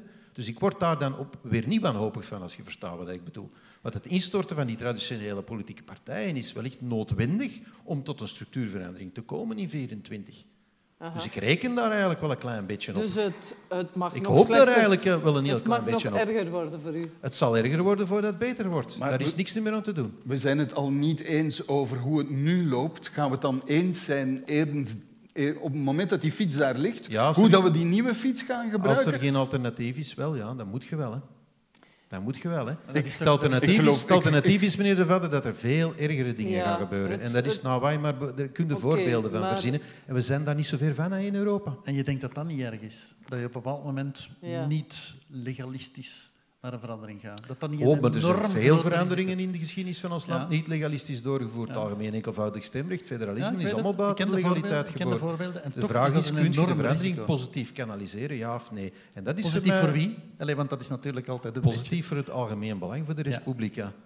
Zowel voor de Vlamingen als de Franstaligen in dit land. Ik denk dat dat kan. Het grote vraagteken voor mij is, zij die daartoe in staat zijn, en die zijn er nog, zullen die nog voldoende adem en kracht hebben om dat die 24 op te pakken uit de scherven die er zullen liggen? Dat is voor mij de inzet van de verkiezingen. U gelooft niet? Want eh, ook aan de linkerzijde, ik, ik, las uh, deze, uh, dit weekend een opiniestuk van Beatrice Delvaux, die zei van, wat klimaatmaatregelen betreft, zei ze eigenlijk, moeten we buiten de grondwet gaan. Is eigenlijk hetzelfde als wat jij zegt. Hè?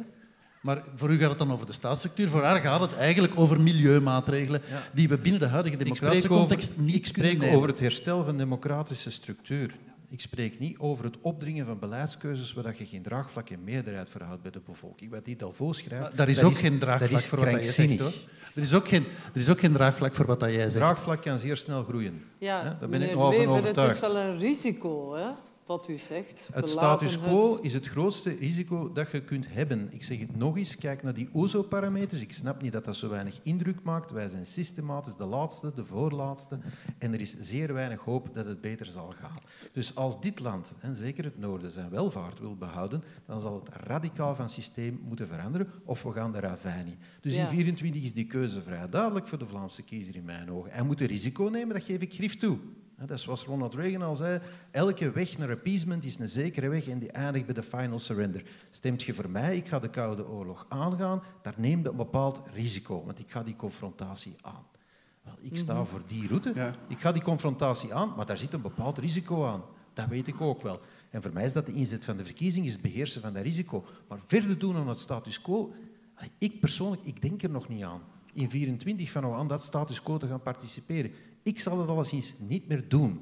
Ik hoop mijn partij ook niet, maar ik persoonlijk ook niet. Dat is, het, dat is voor mij het einde. Als opnieuw het status quo Belgisch eh, niveau wordt doorgetrokken naar 29, want dan is er in 29 niks meer te redden. Dan is het gewoon voorbij. Ik, ik snap het pleidooi dat u houdt. Het enige wat mij, en het is een kleine opmerking, maar ze staat ook in het boek, is dat voor dit soort hervormingen, radicale hervormingen, altijd gepleit wordt door degene die er het meeste voordeel bij heeft. Dat is iets wat mij ook stoort. Dat was bij de provinciale kieskringen in 2003. Wie pleitte daar het meest voor? Degene die achteraf het meest ervan geprofiteerd heeft. En dus dat is het kleine kantje wat ik denk van, dat maakt uw betoog net iets minder overtuigend dan u het hier vol vuur houdt. Ja, dat- Het past u ongelooflijk goed in uw kraam. Ja, dat is niet verboden. Eh, ik ben, ben, en ik begrijp wat je dat zegt. Ik ben het er wel fundamenteel mee oneens. Ik denk dat de omwenteling die ik zoek het meest voordelig zal blijken te zijn voor de Franstaligen op de lange termijn. Ik denk dat de status quo is nergens erger eh, dan in het zuiden van het land. Nee, maar bijvoorbeeld niet voor alle Vivaldi-partijen. Die kleinere partijen, die verdwijnen in uw meerderheidsstelsel. Ja. Of die worden zo goed als... Ja, En die, dus verd- die, het- verd- het- die verdwijnen niet. Hè. Die zullen onderdeel worden van een groter geheel, waar waarschijnlijk een grotere parlementaire vrijheid zal zijn. Eh, binnen de Engelse conservatieven of Labour hebben alle mogelijke tendensen en die komen ook openlijk naar voren. Dat is, dat is een heel transparant systeem. Kortom, Veel u- meer dan het onze, waar iedereen zegt- in een hokje zit, dat Maar maximaal U zegt, u probeert te commercialiseren. een meerderheidsstelsel laat mij toe om CD&V en Open VLD gewoon op te slokken. Die worden dan, laten we maar zeggen, tendensen in mijn groot blok. Meneer Walgraven, meerderheidsstelsel. Dat is nu wel heel lapidair gesteld. Ja, weet maar je- ik denk dat dat een power tool zou kunnen zijn. Ja, Als, als we het Ja, erover eens dus- zijn, ja, dus- ja, als we het erover eens zijn dat mensen zich niet meer vertegenwoordigd voelen, hè, dat dat het probleem is, het representatieprobleem, dan denk ik echt niet dat het meerderheidssysteem daar een oplossing voor is. Het brengt net het omgekeerde teweeg, namelijk dat heel veel stemmen verloren gaan. Hè, dus nu heb je kleine, kleine fracties, die zitten in het parlement. Die, zijn gewoon, die worden gewoon helemaal genegeerd en zijn niet vertegenwoordigd. Dus het heeft net het omgekeerde effect. En bovendien, kijk naar de meerderheidssystemen rondom ons heen. Die doen het niet beter wat democratisch ongenoegen betreft. Hè. Integendeel. Meerderheidssystemen leiden tot polarisatie. Veel meer dan het wishy-washy, chaotisch systeem dat wij hebben. Dus er zijn allerlei, ja, allerlei perverse effecten van een meerderheidssysteem. Ik, ik denk, het kiesstelsel is het meest centrale van een politiek systeem. Als je dat verandert, dan verander je eigenlijk ja, dan verander je het regime eigenlijk. Eigenlijk moet je dan zeggen van we zijn de tweede of de derde of de vijfde republiek, whatever. Dat is zo belangrijk dat ik denk dat je daar echt... eh, ja.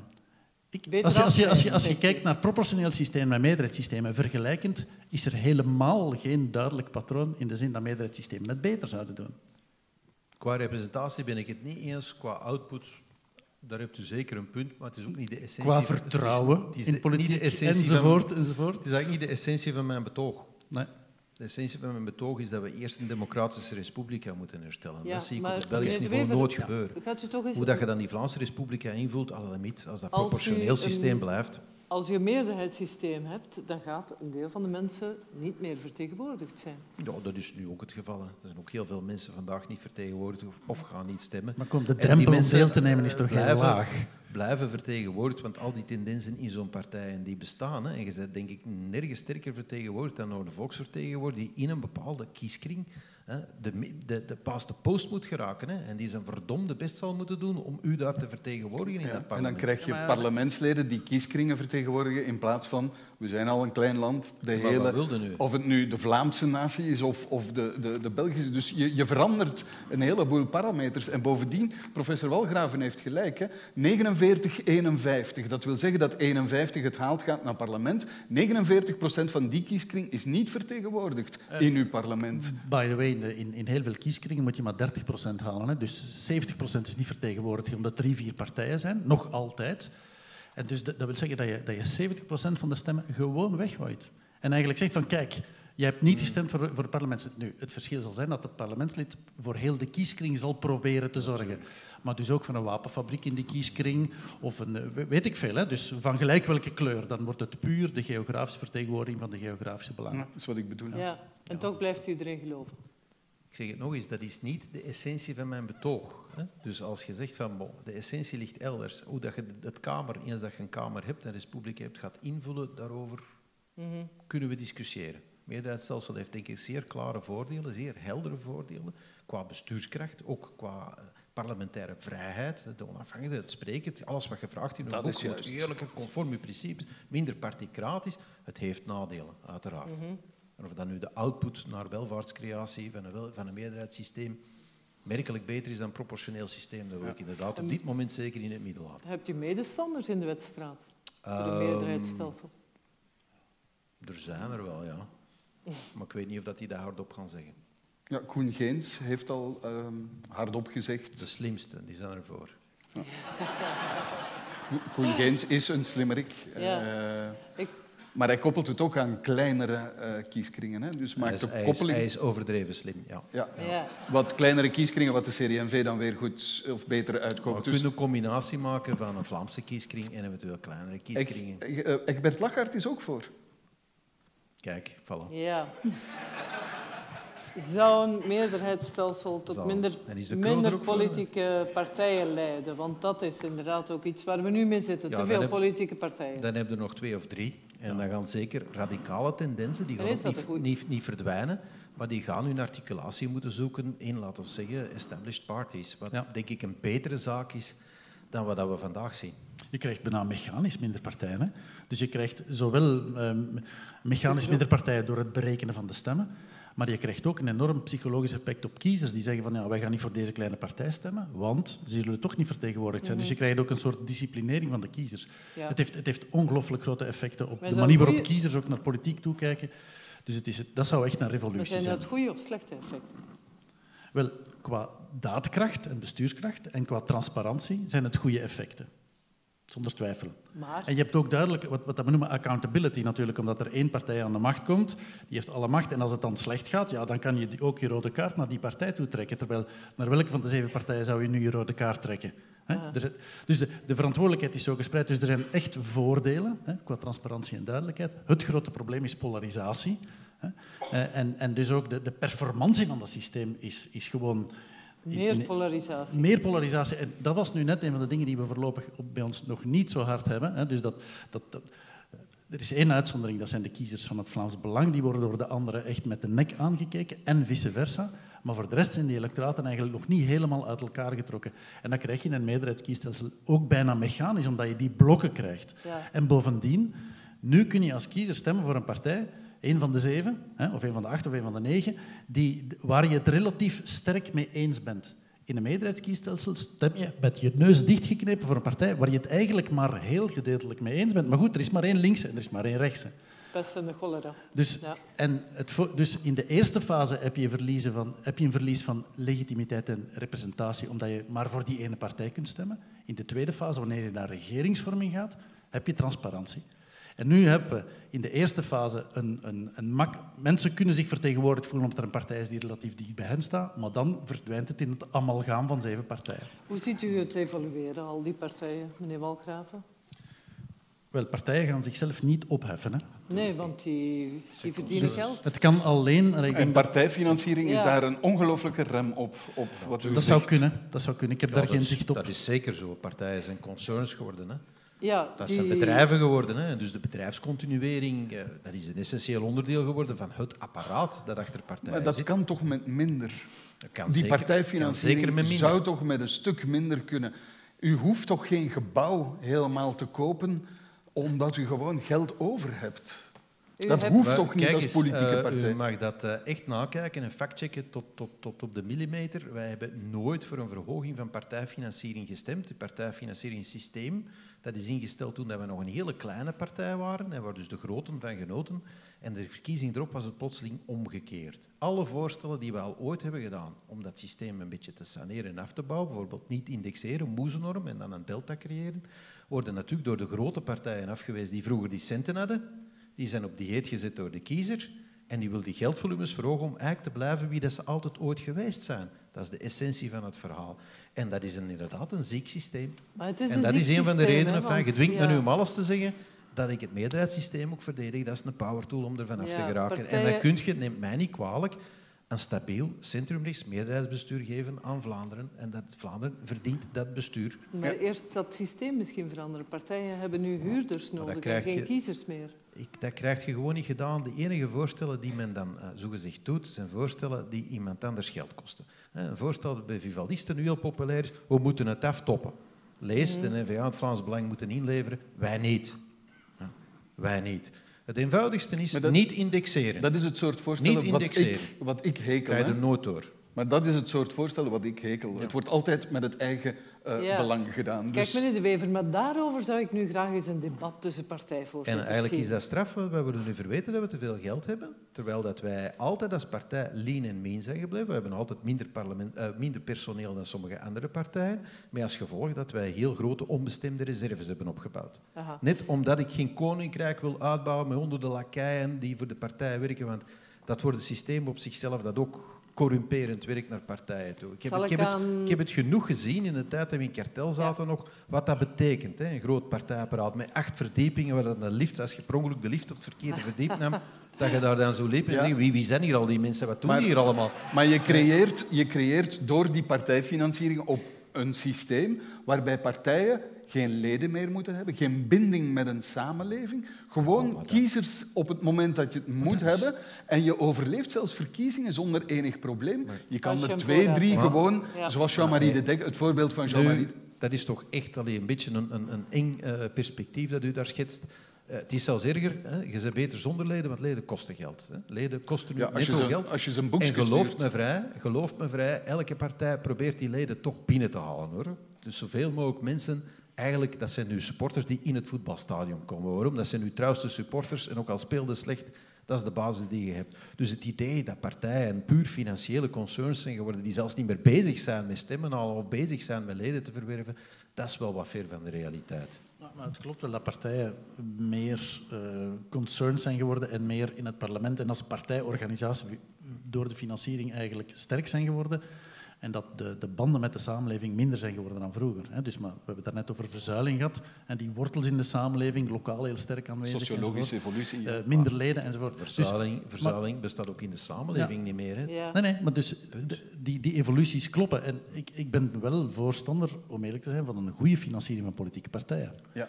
Zonder enige twijfel. Van, en, en dat die financiering niet uit de markt komt, daar ben ik ook voorstander van. Of die financiering nu te hoog of te laag ligt, wellicht te hoog. Precies te hoog. Maar, Ja, maar, maar ik, ik ik denk dat we, we mogen wel het kind met het badwater niet weggooien. Hè. Dus het is belangrijk, partijen zijn, hè, ondanks al het eh, Dat is ook gezaag over particratie, partijen Want zijn de, belangrijk. de Dat oorsprong komt uit een Ja. aantal corruptieschandalen. Ja. Laten we dat Ja. niet vergeten. Maar ik Ja. denk dat de slinger door, doorgeschoten is op dit moment. ik las in je boek het Duitse systeem waar je eerst geld van de mens moet krijgen en dan doet de overheid er geld bovenop. Ja, en in Dat- Nederland heb je ook eh, andere systemen waarbij dan over de besteding van dat geld veel duidelijker afspraken worden gemaakt. Bijvoorbeeld de parlementaire fracties eh, krijgen...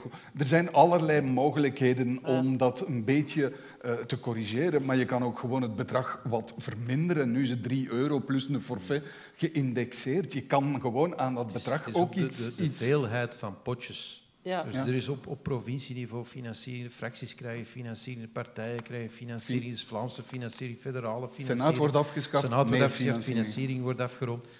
Ja, Dat, meneer De dat is Wever, mag gewoon ik te aan de veel. Maar geld van bedrijven, ik wil u één ding zeggen. Nee, ik heb, ik heb af- wel wat, contacten in, Ja. in, eh, in het Verenigd Koninkrijk. Als je daar naar een partijcongres gaat, dan weet je niet wat je ziet. Hè. Dan moet je Ja. eerst door een gang lopen bij allemaal standen van allemaal multinationals Nee. en concerns. Daar willen Daar we zou niet ik mij ook Niemand, Absoluut niemand niet. pleit Ik zou mij daar niet prettig bij voelen. Hè. Dus Meneer De Wever, mag ik aan de collega's van de zevende dag voorstellen dat ze de partijvoorzitters uitnodigen voor een debat over partijfinanciering? Dat mogen zeker doen, ja. En gaat u Absoluut. dan komen? Dat weet ik nog niet. Dat, zal ik dat wordt bij ons in de cel communicatie. Ik ben eerlijk, hè. ik heb je net gehoord, je moet eerlijk zijn. Eh, elk voorstel dat de media doet, dat wordt bij ons in de cel communicatie afgewogen. Ja. Afge- En als wij denken, afgewogen, van Ah, doen we er goed aan om dat debat aan te gaan of doen we Maar er u niet goed verwerpt het niet bij En dat is alsof... Dat, allee, Oké, het zou een mooi debat zijn, hè, Ivan? hier Ja. openlijk vanavond dat verwerpen. Nee, dat ga ik ook niet doen. Nee, nee, nee. Ik zal zelfs zeggen, ik zal komen. We zullen er wel voor zorgen dat de anderen niet komen. En dan kan ik zeggen, oh, dat is dan weer spijt. Ja, wel spijt. Ivan, En zo werkt dat. Hè. Het spijt Ja. me, hè. ik ben eerlijk. Hè. Zo werkt dat. Hè. Ja, en jullie weten dat, maar al te goed dat zo werkt. wanhoop eh, in de wedstraat. Ehm, ja, hoe ga je mensen nog motiveren voor de politiek als je dit soort boeken schrijft? Ja, dat is een beetje het enige. Goed, eh, de, de, de titel is een beetje Suske en Wiske. En dan denk je van, ja, dat werkt goed. En dan stel je vast, eens het boek een week gelanceerd is, dat mensen zelfs schrik beginnen krijgen. En dat is ook nooit de bedoeling geweest. Ik, ik eindig ook heel expliciet op die, die hoop en, en een poging om... Maar bon, eh, het, het is nu... Je kunt maar proberen kleine correcties te geven. Yves Mark zei daarnet op Twitter dat het hem zo moede viel in deze donkere dagen dat hij er zelfs niet aan wou beginnen, omdat het zo donker was. Ja, oké, bon. Dat is dan het omgekeerde effect van wat ik eigenlijk wou bereiken. Ja, Dat had, ik nu, dat had ik helemaal niet. Als je een boek las, ik had hier zoiets van, ja, ja, ja. Het, het, is, het is een pessimistisch boek. Hè? Het is een pessimistisch boek. Omdat, ik had gehoopt meer ehm, instrumenten te vinden om het dan te veranderen. Maar dat En, vind en, en dus ik, politicologen hebben daar ook niet onmiddellijk een antwoord op. Hè, omdat Voilà. ik denk dat de, de crisis heel fundamenteel is. We hebben daar niet onmiddellijk een antwoord op. Maar ik vond het... Ja, ik, Ik, ik hoed mij voor degene die dan zegt van en het zal zo en zo. Met de suggestie, je voelt al dus gewoon de suggestie. Ja, nee, maar gewoon de suggestie doen, wees wat eerlijker, krijg al een klets Maar- van dat gaat toch niks helpen, je moet het systeem enzovoort. Dus ik hoed mij ook heel sterk voor, ik ben ook niet de leerling-tovenaar die het helemaal weet. Ik stel alleen vast, en dat is een beetje het idee, als je dat overzicht maakt van mijn 30 jaar, 91 begonnen, nu 2022, dat je, dat je toch wel ja, behoorlijk pessimistisch kan worden. En dat, Ja. is, dat, dat blijft zie je het het nog zitten, die verkiezingen van 2024? Of hoop je tegen dan met pensioen te zijn? Nee, nee, nee, nee, pensioen is 31, dus ik heb nog wel even te gaan. Nee, kijk er Hij naar kan uit. daarna nog in de politiek gaan. Hij is altijd een groot succesjournalist in, eh, in het parlement. En, doen het altijd heel goed. Pas er op, er pas op er zitten er in de zaal. Hè. Er De zitten er in de uitzondering zaal. op de regels zit Ja, in de zaal. juist. Ik had hem wel gezien. Ja.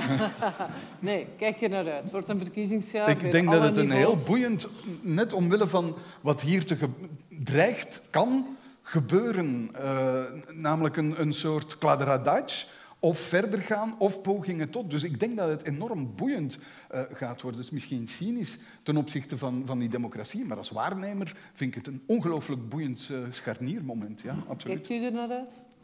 ja, het, het, het gaat spannend. Het zal spannend zijn. Maar ik, eh, ik vraag me af, het loppenmoment, zoals in je boek staat, eh, Ivan... Ja, daar, daar heb ik eh, wel angst van. Want een loppen, loppenmoment veronderstelt consensus bij heel veel groepen. En dat is nu net wat we niet hebben. Moet je heel even uitleggen voor wie het boek nog niet gelezen Ja, het heeft. loppenmoment is, en maar u verwijst naar het meerderheidsstelsel. Loppen is na de Eerste Wereldoorlog, hebben eigenlijk de politieke partijen boven alle parlementen heen beslist, onder meer algemeen stemrecht eh, in te voeren. En, en dat is eigenlijk een buitenconstitutioneel moment. Voor mannen. Ja, voor Ja. mannen, absoluut. Ja. Excuus. Voor mannen. Eh, Ja, en dus- u hoopt op een Loppem-moment na 2024. Ja, dat Bestaat Loppem nog of is dat gefuseerd intussen met... eh, Dat kasteel van Loppem is er nog steeds. Hè. Je kunt dat al bezoeken. Dat is nog helemaal ingericht zoals het eh, in die tijd was als museum. En ik denk dat we Loppem op het moment nodig hebben. Ik ben het eens met professor Walgraven. Als ik je boek lees, met respect gezegd, vind ik dat het te veel uit het perspectief van de box geschreven is en de journalist die mee in de box zit en dus niet out de box treedt en ook, ook het perspectief op het probleem dat in mijn ogen breder mogen zijn uh, in het boek. En je laat de media volledig buiten je scope. Wat wel een beetje gemakkelijk is, vind ik, vind ik persoonlijk. Ik hoop wel. Allee, ik denk niet dat de oplossing in het boek staat. Ik, ik, ik, ik, waardeer de analyse, we hebben er fel over gediscussieerd, maar ik waardeer de analyse. 90% van die, van die dingen zijn heel herkenbaar, hè, die je leest. En soms, ja, ja, dat is inderdaad beschamend, maar het is allemaal wel waar. Maar de oplossing staat niet in het boek. En ik denk dat als we alles uitvoeren wat in het boek staat, dat we morgen in exact dezelfde situatie wakker worden. Vrees ik. Ja, Geen fluit gaat verbeteren. Ja, en, en de, de aanbeveling om meer emotioneel te zijn, lijkt mij... hoe, hoe kun je nu tegen, kun je nu tegen politie zeggen dat ze meer emotioneel moeten zijn, dat ze meer emotionele intelligentie aan de dag moeten leggen? Dat, dat is geen structurele oplossing, denk ik. Hè? Dus het feit dat je meer sorry moet zeggen dat, dat de politieke klasse meer sorry zou moeten zeggen. Ja, daar heb ik toch een beetje... Dus sorry is de politieke verantwoordelijkheid nemen. Ja, ja in dit dus geval. Niet gewoon sorry zeggen, maar het aftreden bij of, een, empathie een tonen. Is, is dat niet eerder een soort... Dat lijkt me wel pas machiavellistisch te zijn. In de slechte betekenis van het woord dan. Het bespelen, het manipuleren van het publiek. Door, door valse emotie te tonen. Dus ik, ik hou zelf nogal van uh, rationele oplossingen. Maar structurele oplossingen. De vaststelling is dat de rationele oplossingen helemaal verkeerd zijn gekozen, verkeerd hebben gelopen. En ook dertig jaar lang heeft men heil gezocht in puur rationele oplossingen, genre van we gaan de opkomstplicht afschaffen, zat ook in zaal F. Alle maatregelen die eigenlijk de afgelopen jaren zijn genomen, zijn gaan terug, geweest. maar zijn van dat soort rationele even aan de knoppen draaien en het is opgelost. En geen enkele verantwoordelijkheid van de politicus. Dus, Ivan, laatste vraag nog voor jou.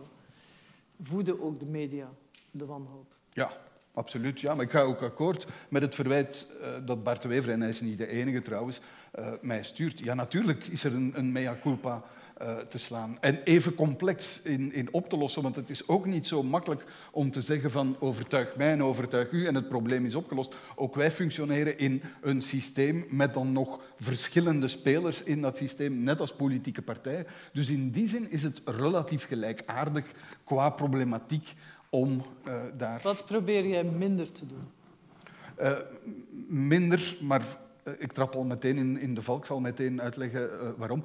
minder het spelletje tussen politici. Hè? Dus minder het gekissenbis tussen politici en meer zoeken naar de oplossing. En wat gebeurt er dan? Georges-Louis Boucher weigert te antwoorden op de vraag wist u dat mevrouw Labib naar Rusland was gegaan? En dan moet je daar vijf, zes minuten aan besteden omdat hij die vraag niet wil antwoorden. En op het einde van de uitzending, wanneer het interessant wordt over de discussie schulden opbouwen niet, heb je eigenlijk tijd tekort. Dus ben je in je eigen val gelopen. Zo moeilijk of makkelijk is het dan weer. Dus het is echt niet evident. In die zin snap ik ook u en uw opmerkingen op het boek. En daar gaan we het bij houden. Ivan, veel succes met het boek. Meneer De Wever, veel succes in de politiek en u in de wetenschap. Heel erg bedankt, alle drie. En u bedankt om uh, zo aandachtig en lang naar ons te luisteren. Dank u wel.